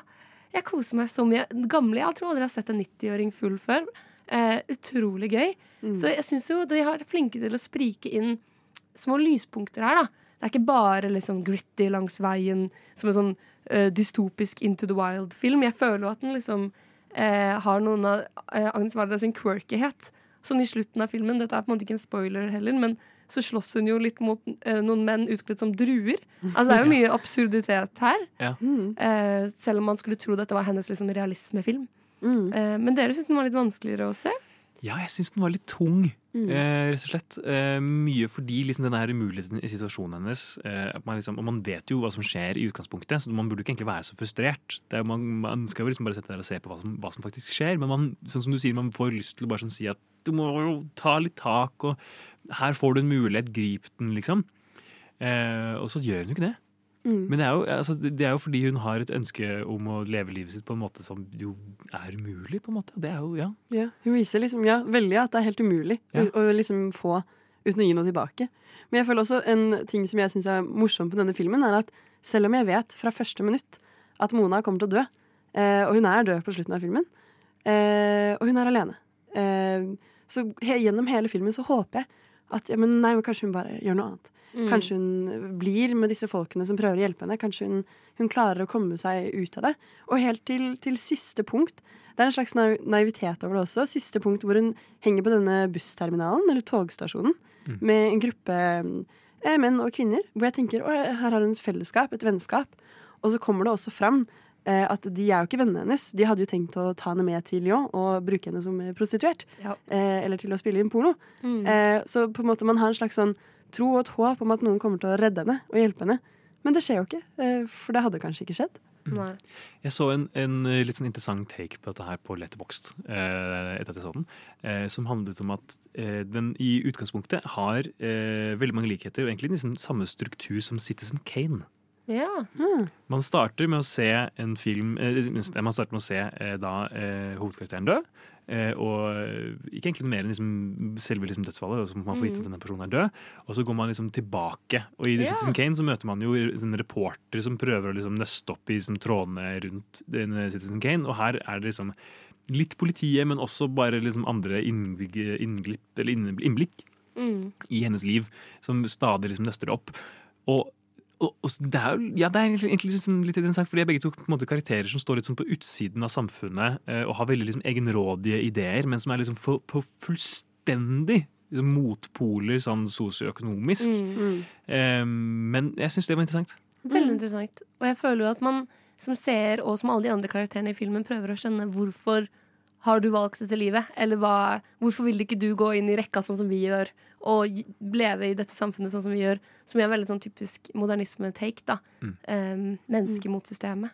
Men vi er jo nødt til å hoppe litt videre, for vi skal jo eh, på en måte plutselig til virkelighetens verden. Eh, til en av hennes mer kjente dokumentarfilmer. Vi skal nemlig snakke om The Gleaners and I. Le glanage est d'un autre âge. Le geste est inchangé dans notre société qui mange à satiété. Glaneurs agricoles ou urbains, ils se baissent pour ramasser. Il n'y a pas de honte, il y a du tracas, du désarroi. Ouais, ouais, rap de récup, rap de récup. Ouais, c'est ça. Malheureusement, malheureusement, ouais, malheureusement. Se baisser n'est heureusement pas s'abaisser. Mais je dois t'avouer que quand je les vois se pencher, j'ai le cœur blessé. Ça me fait mal de les voir récupérer pour se nourrir. Og for de som kanskje lurte på hvorfor i alle dager vi hører på fransk hiphop eh, her på Nova Noir på en torsdag fra 10 til 12, eh, det er jo selvfølgelig fordi vi skal snakke om eh, filmen 'Gleaners and I' fra 2000. En dokumentarfilm laget av den eminente Agnes Varda, som jo er det vi snakker om i dag, som tar for seg konseptet 'gleaning'. På engelsk heter det i hvert fall. Jeg vet ikke om vi har et tilsvarende ord på norsk. Jeg Liksom- prøvde å finne et ord, men jeg kan virkelig ikke litt sånn matauk. I hvert fall folk som går gjennom mat som i utgangspunktet er avfall. Eh, dumpster diving er blitt et eksempel på, på, gli, Mm. på glining. da. Mm. Men eh, det er særlig liksom da eh, på, eh, på jorder etter at høstingen er gjort, og at man går ut og samler f.eks. poteter og andre eh, jordbruksprodukter som eh, ikke blir tatt med til, eh, til videreformidling. F.eks. poteter som er for store eller for små. eller sånne ting. Um, en utrolig liksom, fascinerende reise gjennom Frankrike, som har da en særlig liksom, eh, kultur rundt akkurat dette. og Det er jo beskyttet til loven, og det er noe som veldig mange har eh, erfaring med hjemmefra. Besteforeldre som gjorde det, eh, som går på en måte tilbake til en tid før man hadde liksom overflod, da, på en måte. Eh, som også jo er en tid som Agnes Varda vokste opp i. Hun er jo et barn av andre verdenskrig, hun også. Eh, så hun går ut og på en måte møter de menneskene som eh, enten av fri vilje eller av nødvendighet må ut og liksom leve på andres, andre menneskers rester og etterlatenskaper som de ikke vil ha. Eh, som er liksom tematikken i denne filmen her. Og det er utrolig fascinerende. Veldig, liksom, det er nede på jorden. Hun går liksom inn og møter folk og får liksom en helt sånn utrolig tilgang på andre mennesker som bare stoler fullstendig på henne og, og, og er ærlig med henne. Og hun får bli med ut og gline med folk, og hun, hun gjør det selv og plukker liksom hjerteformede poteter i det hele tatt. Eh, en film som jeg holder veldig nært i min hjerte, som jeg meg veldig mye. Men jeg er litt nysgjerrig på hva som, eh, hvordan dere har reagert. Anna? Jeg, jeg elsket den. Jeg tror det må være en av mine nye liksom, Varda-favoritter. Eh, fordi det bare det er noe helt Jeg vet ikke hva det er. Måten hun har satt det sammen på. Hvordan du liksom starter med en slags sånn veldig sånn romantisert bilde, hvor hun liksom filmer et eh, gammelt eh, bilde, oljemaleri, av eh, damer som går og plukker opp liksom etter at de er ferdig med innhøstingen av eh, korn, hvete, husker ikke helt hva det er, men at de plukker opp restene. Eh, og liksom veldig sånn det vakre med det, å være liksom i nærheten av naturen og bruke alt man har. Eh, og at hun liksom klarer å tappe inn på et så stort eh, samfunnsproblem, egentlig. Det her med overflod. At vi har altfor mye, og vi kaster altfor mye. Og hva skjer med det vi kaster? Og liksom parallellene med denne poteten som ikke passer inn i samfunnet, som blir kastet. Og så filmer hun folk som ikke passer inn i samfunnet, derfor havner utenfor. Og overgangene er så sømløse og fine. Det er nydelig satt sammen. Ja, perfekt. jeg tenkte veldig mye på poteter. Så. Og Agnes Varda er veldig glad i poteter. Hun, hun kommer tilbake til poteter senere i karrieren òg. Men uh, at det er disse bare fjellene av poteter med, som skal bli kastet fordi de er for store. Mm, så denne filmen følte jeg på en måte ikke at jeg kom til å like så godt når jeg bare så på en måte plakatbildet. Eh, men etter på en måte fem minutter så var jeg hooked. Hvor du bare, det begynner med at hun drar til alle disse svære potethaugene eh, ute på landet. Eh, som er alle de potetene som er på en måte for store til å bli solgt. Som jeg igjen, jeg sitter jo hjemme i sofaen min og er sånn Fy faen, kaster de poteter fordi de er for store? Og jeg har jobbet i matbransjen, og jeg vet hvor mye sinnssykt mye mat man kaster der. Men var som jeg møtte det eh, helt på nytt, fordi disse menneskene som kommer og plukker disse potetene, er så fine og ser så mye kjærlighet i disse potetene. Eh, og Agnes selv, som kommer og begynner å lete i haugene og finner liksom morsomformede poteter som hun tar med seg hjem. Og allerede i liksom minutt ti, så eh, på en utrolig spennende og delikat og sjarmerende måte klarer hun å liksom vise det fine i objekter andre folk vil kaste. Og det varer på en måte bare ut eh, resten av filmen. Det er liksom helt på starten, og det tempoet og det engasjementet, det bare holdes gjennom hele. Jeg er hooked og rørt og vil ut og begynne å gline med en gang. Mm. Og det er, på en måte, altså det er jo ikke bare disse matproduktene som du sier, som, eh, som eh, blir forkastet. Det er jo alle disse andre tingene også. Hun er jo på liksom masse på flere um, bakgårdssalg og, og sånne ting, og, og plukker ut uh, ting hun vil ha. Bare liksom ting som blir etterlatt på gaten. Og hun har med seg liksom en, en klokke hjem som ikke har noen visere, f.eks., som hun liksom bare tar vare på. Det er liksom hennes liksom, kan si, sånn samlergen, men det er liksom, hun, hun iscenesetter det som så vakkert. Mm. Og også når hun snakker om sin egen liksom, alderdom, og hun har jo hele, kamera, eller hele filmen er filmet på et uh, bitte lite digitalkamera, eh, som jo var ganske nytt for perioden, så hun har liksom muligheten da, til å holde kameraet i én hånd og filme sin andre hånd med det. Og det syns jeg er utrolig vakkert. Når hun Mm. snakker om at ja, eh, filme denne hånden som liksom blir et landskap, når hun Mm. holder den så nærme, liksom rynkene på hendene blir liksom et eget landskap. Og at Eh, den minner henne om at hennes tid snart er forbi. Ja. Og når du vet at hun er død, så bro, det, de ordene traff veldig. Altså. Ja, definitivt. Jeg føler det er veldig, veldig veldig godt gjort hvordan hun på en måte sømløst kobler sammen det her med å filme sine egne hender opp mot disse potetene, og så filmer hun også at hun selv Hun, hun sier det mens hun gjør det, at sånn nå, nå filmer jeg at denne hånden som jeg har filmet tidligere, plukker denne poteten som er kastet til side. Jeg filmer at jeg legger den i dette nettet. Liksom, hun, hun gjør det så sømløst, og da kobler hun med en gang dette med å kaste mat og avfall, og at vi har rett og slett for mye. Og hun kobler det til et slags sånn menneskelig punkt. Og da blir det så mye lettere å gå over til de karakterene hun snakker med. Og igjen så er det sånn hun, Jeg tror Agnes Varda hadde vært en helt fantastisk journalist. Mm. For hun er så god på å være interessert og i liksom finne det som er interessant ved andre mennesker og andre ting. Som jeg selv hadde bare ikke tenkt på i det hele tatt. Og det å få dem til å bli eh, trygge på henne med en gang. Vi får jo følge noen av hennes første møter, eh, og ingen er liksom skeptiske til henne i det hele tatt. Og jeg elsker hvordan hun i denne filmen klarer å hoppe mellom det poetiske, som det å filme hånden sin, eller det at når hun finner den klokken uten viser, eh, så begynner hun å snakke om tiden, og hvordan hun ikke vil ha en klokke med visere, fordi hun trenger ikke tid. Mm. Eh, liksom de mer absurde aspektene av filmen, med liksom journalistiske portretter av folk, og også snakke med liksom politikere og dommere og sånn om lovverket. Mm. Veldig spennende blanding. Mm. Også hvordan hun plasserer denne dommeren som snakker om uh, glining ute i en, uh, i en uh, kålåker. Også. Det er liksom veldig morsomme iscenesettelser. Det er veldig lekent filmspråk. Mm.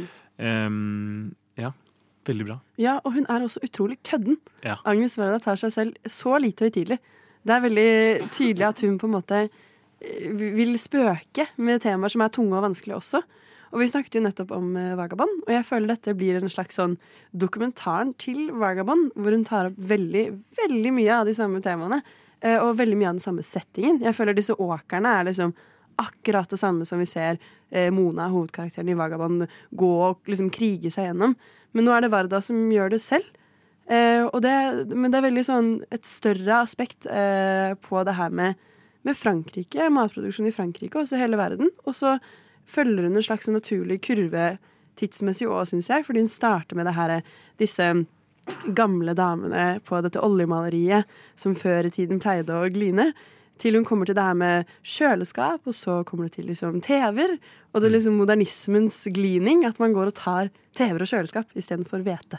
Og det, og det er mange digresjoner gjennom hele. Jeg føler at filmen på en måte starter med poteter, og så går hun og snakker med noen folk som bor i nærheten, som bor på sånn der, i campingvogner, og som ikke har strøm, så begynner det å handle om de litt. Og så liksom tar hun det til å dra, dra til byen. At jeg bare føler at hun følger nye innfall hele tiden, og at hun egentlig ikke vet helt hvor filmen skal gå.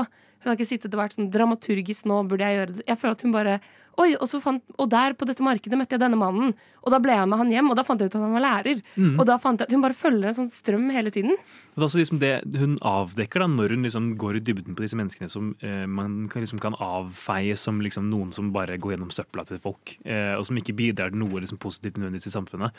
Og så møter hun denne mannen som eh, går rundt i, etter liksom, eh, grønnsaksmarkedene i Paris. Blir med han hjem, viser seg at han bor i et, eh, en bygning med eh, veldig mange eh, immigranter som ikke har lært seg, som ikke kan fransk.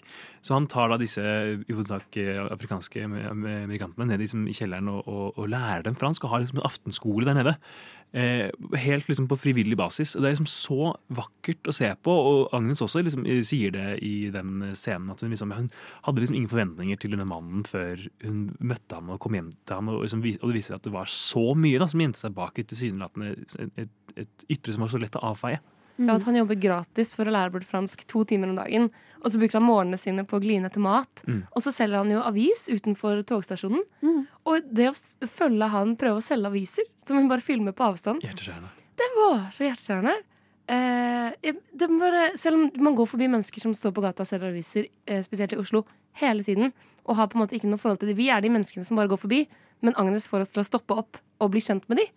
Eh, og eh, det høres på en måte enkelt ut, men det er en så utrolig imponerende kunst å få til ordentlig. Mm. Jeg tror ikke jeg vet om noen andre filmskapere som jeg i hvert fall har lagt merke til. Det her er liksom muligheten til å koble seg på andres liv på denne måten. Og det sier hun jo også selv i eh, slutten av filmen, at det beste med å skape denne dokumentaren var å møte denne mannen. Det må være noen av høydepunktene, og på en måte kunne se dybden av et liv som for meg var egentlig bare en mann hun har fulgt flere dager, egentlig, på det jeg tror er et grønnsaksmarked ved henne, der hun bor. Har hun liksom uh, fått øye på denne mannen og ser at han er der hele tiden. Til slutt går hun bort og snakker med han, og så oppdager hun at en person hun ser ofte og ikke tenker på, har et liv som er så på en måte hjerteskjærende, men også inspirerende. Og han snakker jo om det her med at eh, han har en mastergrad i biologi, og at han egentlig har liksom egentlig vært ganske sånn konform, fulgt liksom de rammene samfunnet har. Og så har han hoppet ut Mm. eh, og gjør noe helt annet.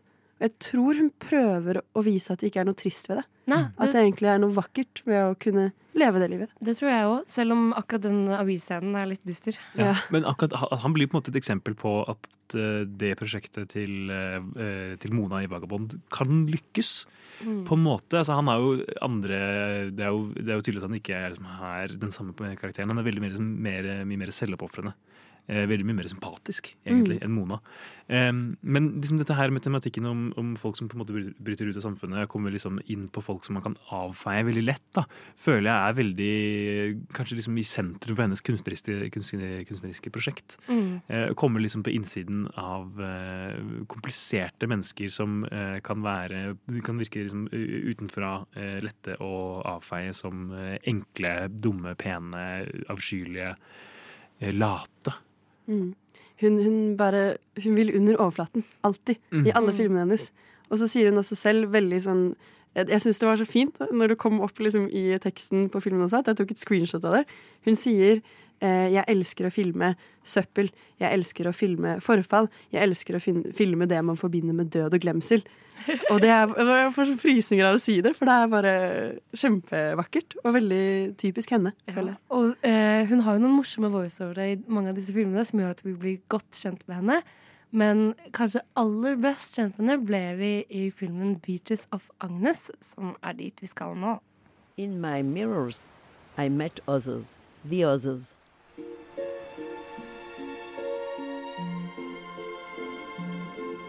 Second marker.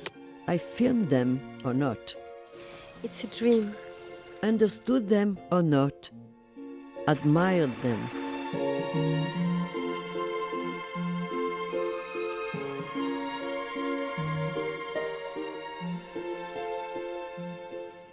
Og ja, da har vi kommet til eh, slutten. Eh, nesten slutten, i hvert fall. Av Nesten. Agnes Vardas, Agnes Vardas filmografi.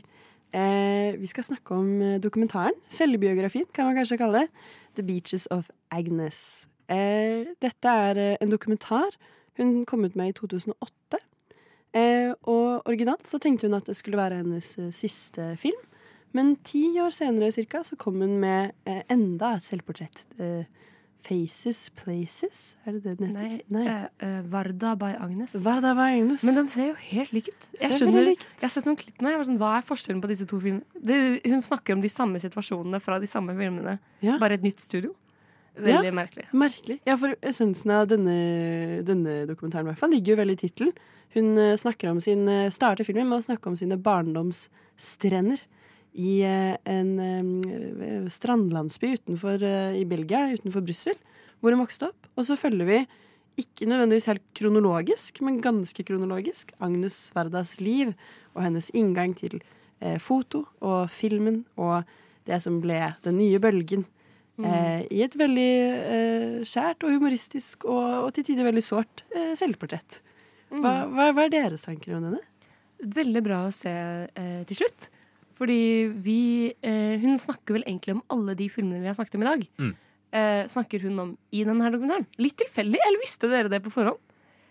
Jeg har sett den en gang før, Altså- eh, og det er jo en litt sånn oppsummerende selvbiografisk film. Eh, som jo handler om hennes liv og karriere. Så det var vel eh, litt med vilje, ja, at Ja. den havnet sist.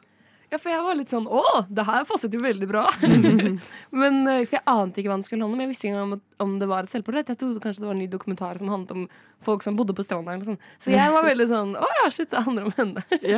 Men jeg syns den, den er veldig søt. Men den føles jo nesten som om den kunne vært lagd av noen andre om henne. Hun har veldig utenfra perspektiv på seg selv. Mm. Hvor de viser masse sånn arkivbilder og sånn av de tidligere filmene hennes, og hun gir på en måte kommentarer om hvordan det var å spille inn det. Og det eneste som gjør det til en Varda-film, er at hun eh, klipper så utrolig usmooth mellom de forskjellige delene og bare kaster seg på sine egne digresjoner.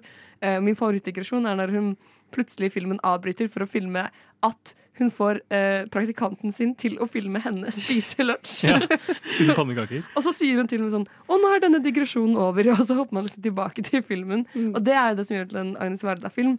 Men ellers kunne dette egentlig vært en reportasje, nesten. For den går veldig sånn eh, ordentlig til verks fra A til Å i hennes karriere. Mm. Den, hun behandler jo kanskje seg selv litt som karakterene sine i filmene sine. At andre folk kommenterer på henne.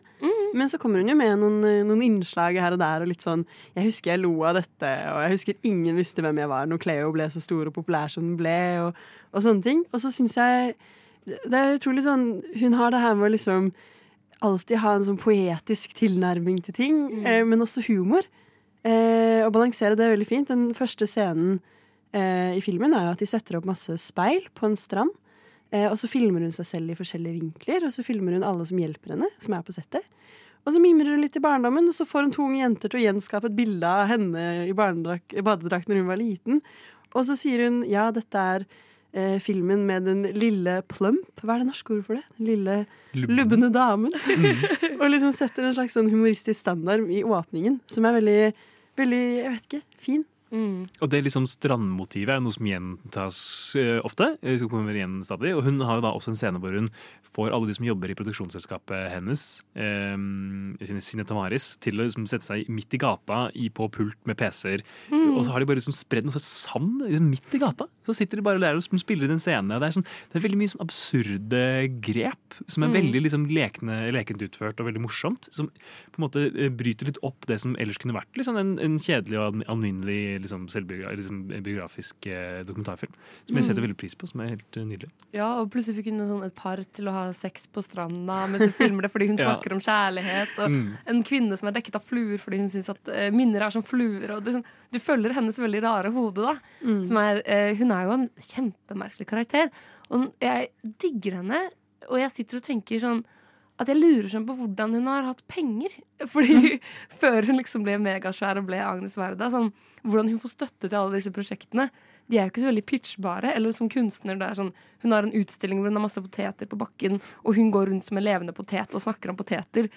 Eh, jeg føler at Hvis det var liksom en person jeg kjente, så var sånn Ja, jeg har et prosjekt for tiden. Jeg skal, så hvordan har hun, har hun jobbet som sånn servitør på si? Jeg blir veldig sånn nysgjerrig på de sånn praktiske tingene i livet hennes. Men hun snakker jo om det i filmen også. Det er veldig morsomt. Hun sier sånn i en, eh, kanskje den mest absurde scenen, hvor hun liksom har laget en kjempehval Og så har hun bare liksom satt seg selv inn i hvalen og sitter liksom i sånn lounge og snakker om at ja, dere lurer sikkert på hvordan man får penger til prosjekter. og da, da nevner hun jo det at liksom, hun må nok ha skjønt det selv, at det virker absurd at hun får det til. Men jeg tror, som hun snakker om i sin ungdom, da, eh, så var jo Agnes Varda eh, først og fremst fotograf. Ja. Og utdannet fotograf, og en flink fotograf. Eh, og det var jo det som fikk henne inn i filmen. Så jeg lurer på om hun rett og slett må bare ha tjent utrolig mye penger på det. Men Cleo ble nesten ikke vist, det sa de jo òg. Ja. Altså ikke var det noen særlig suksess? Jo, kjempesuksess, men ble mm. vist veldig få ganger. Altså, De hadde veldig få screenings av den. Men jeg tror på en måte eh, det er flere aspekter med dette her. Det første tror jeg at hun er, bare et, hun er et ikon. Ja. Eh, og jeg tror hun er veldig høyt elsket i Frankrike også. Frankrike holder jo på en måte kulturen sin veldig høyt.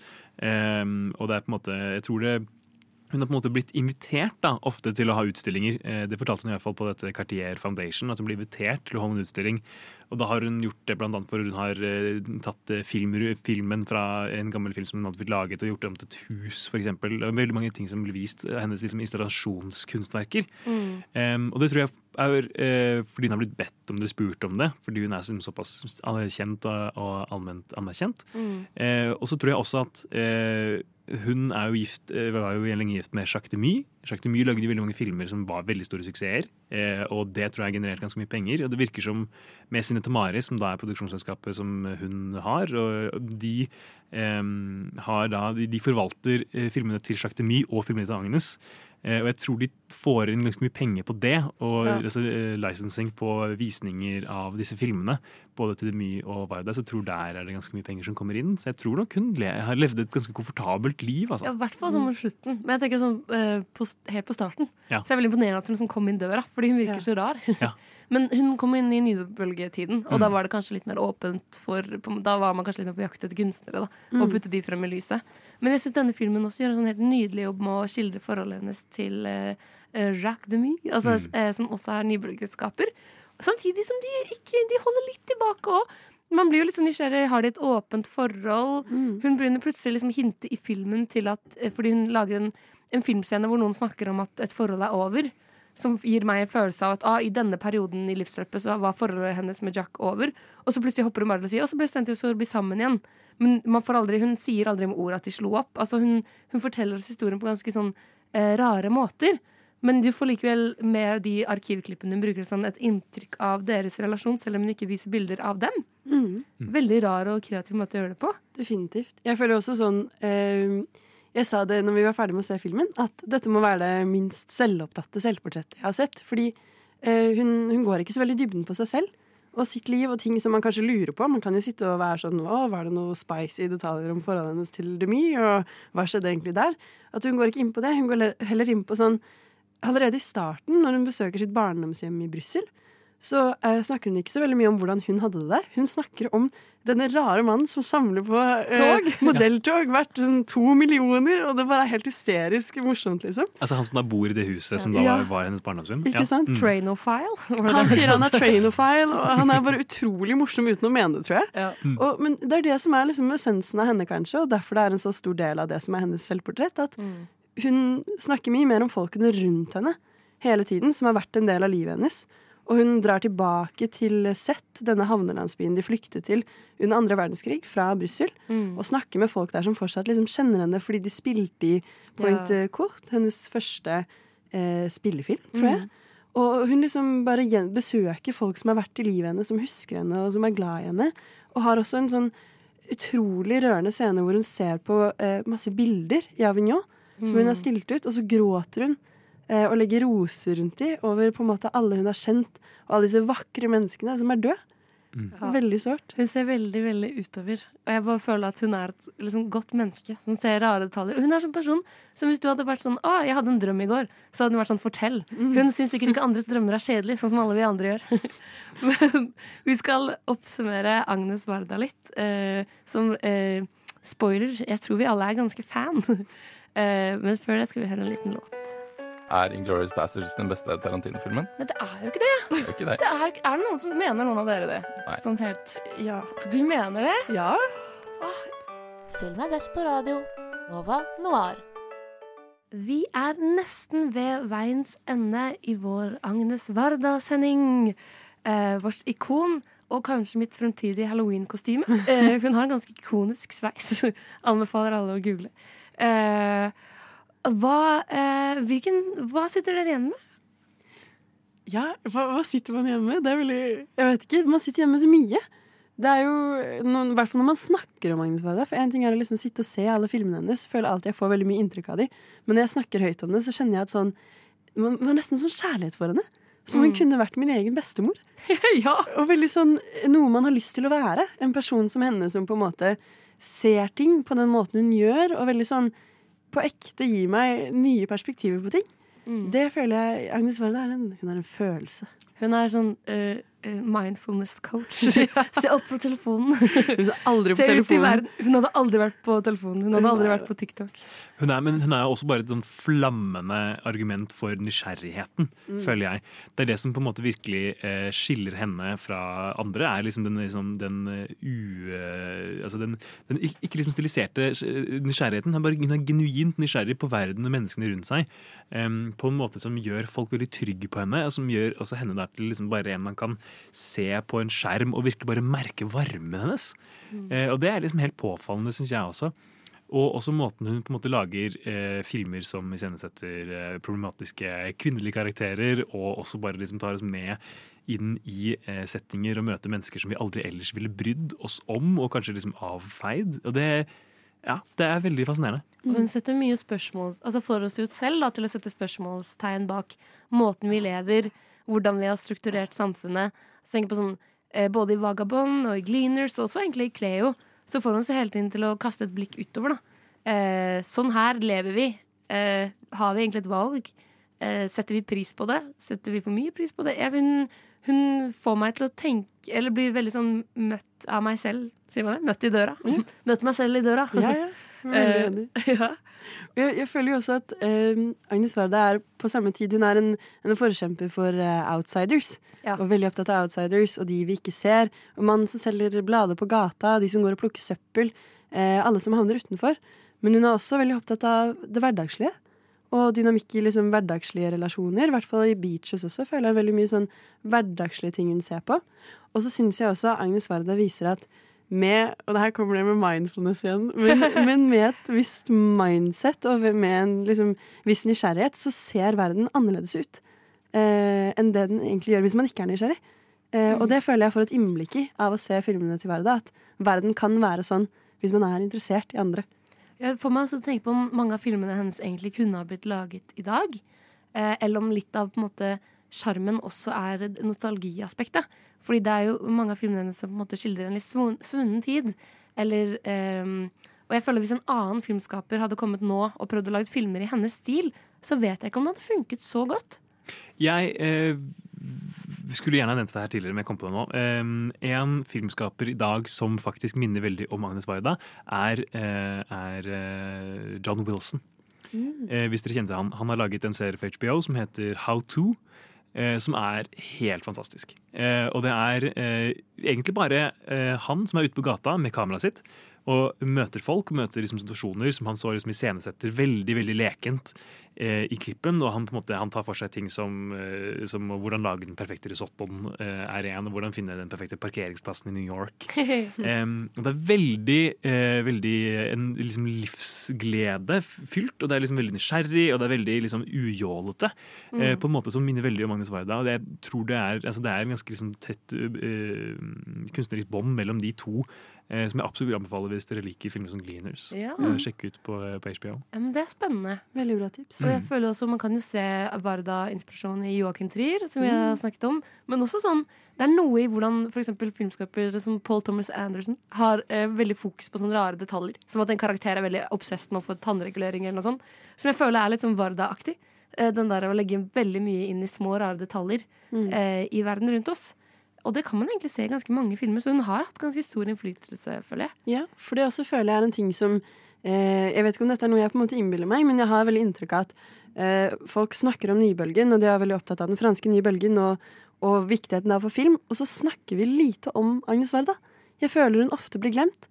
Og det syns jeg er så rart, fordi for meg så skiller hun seg veldig ut i den gruppen av eh, filmskapere. Og jeg føler veldig ofte vi liksom snakker om Demy og Godard, og, som har hatt en kjempeeffekt. Men jeg så eh, en anmeldelse om det her av på Letterboxd etter vi så Gleaners. eh, at eh, det var, den ble nok skrevet det året hun døde, dagen hun døde, av en person som var sånn Jeg er utrolig lei meg for Ag- at Agnes Varda har dødd, og jeg er så redd for at vi kommer til å glemme viktigheten av Agnes Varda Mm. som filmskaper.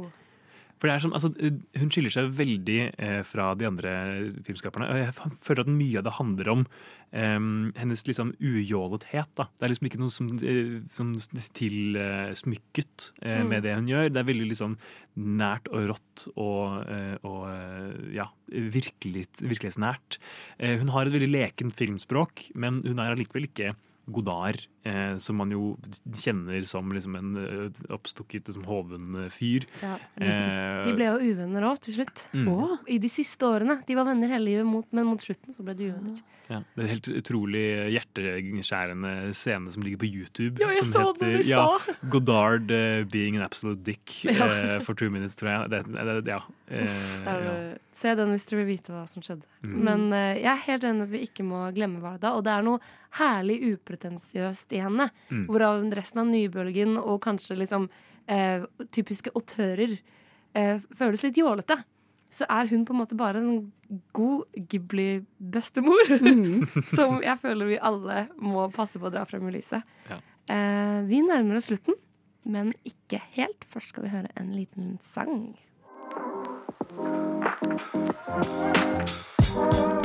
Nova Noir. Film på radio. Hver torsdag 10-12 eller i din podkast-app når som helst. Og da har vi eh, kommet til slutten av vår fantastiske Agnes Varda-sending.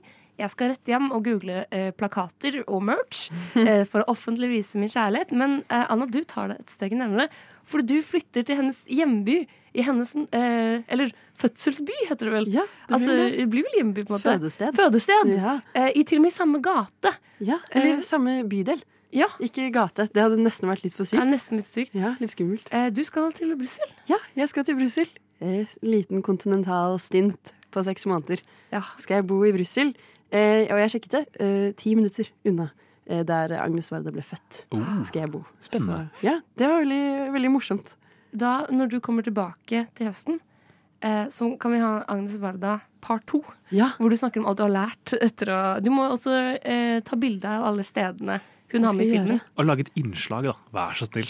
Ute på gata der i Brussel hadde vært utrolig sånn nydelig. reiseblogg fra Brussel hvor jeg bare snakker om Agnes Varda hver eneste sending. Og drar liksom de stedene hun vokste opp og sånn. Ja. Finner han togmannen. Det kan train, gjøre. train of Fire. Ja. Det er kult. Og hvis han har en utstilling eller noe sånt. Kanskje, jeg, jeg tror kanskje han ikke er med oss lenger. Ja, jeg har en følelse av det. Men jeg har en kan- følelse av det. Min Agnes Varda-intuisjon Ja. sier at han ikke er her. Men jeg kan ringe på liksom, der hun vokste opp og være sånn shit. Du kan være vår kontinentale korrespondent Ja. i uh, Nova Noir. Uff, stay tuned. Stay Mm. tuned for det. Eh, alle filmene vi har snakket om i dag, er eh, på Mubi. Vi har ikke sponsa, men de er på Mubi. eh, så eh, der kan man liksom Det er og mange andre, men jeg tror alle Varda-filmene faktisk er der fortsatt. Unntatt Cleo. Og ikke Cleo der. Eh, men den kan du leie på Blockbuster. eh, og på Apple. jeg leide den der. Det var faktisk litt dyrt. Ja, billig, dyrt å leie på film nå. Blockbuster. Ja. ehm, det har vært en ære. Eh, og jeg har blitt en Varda-fan.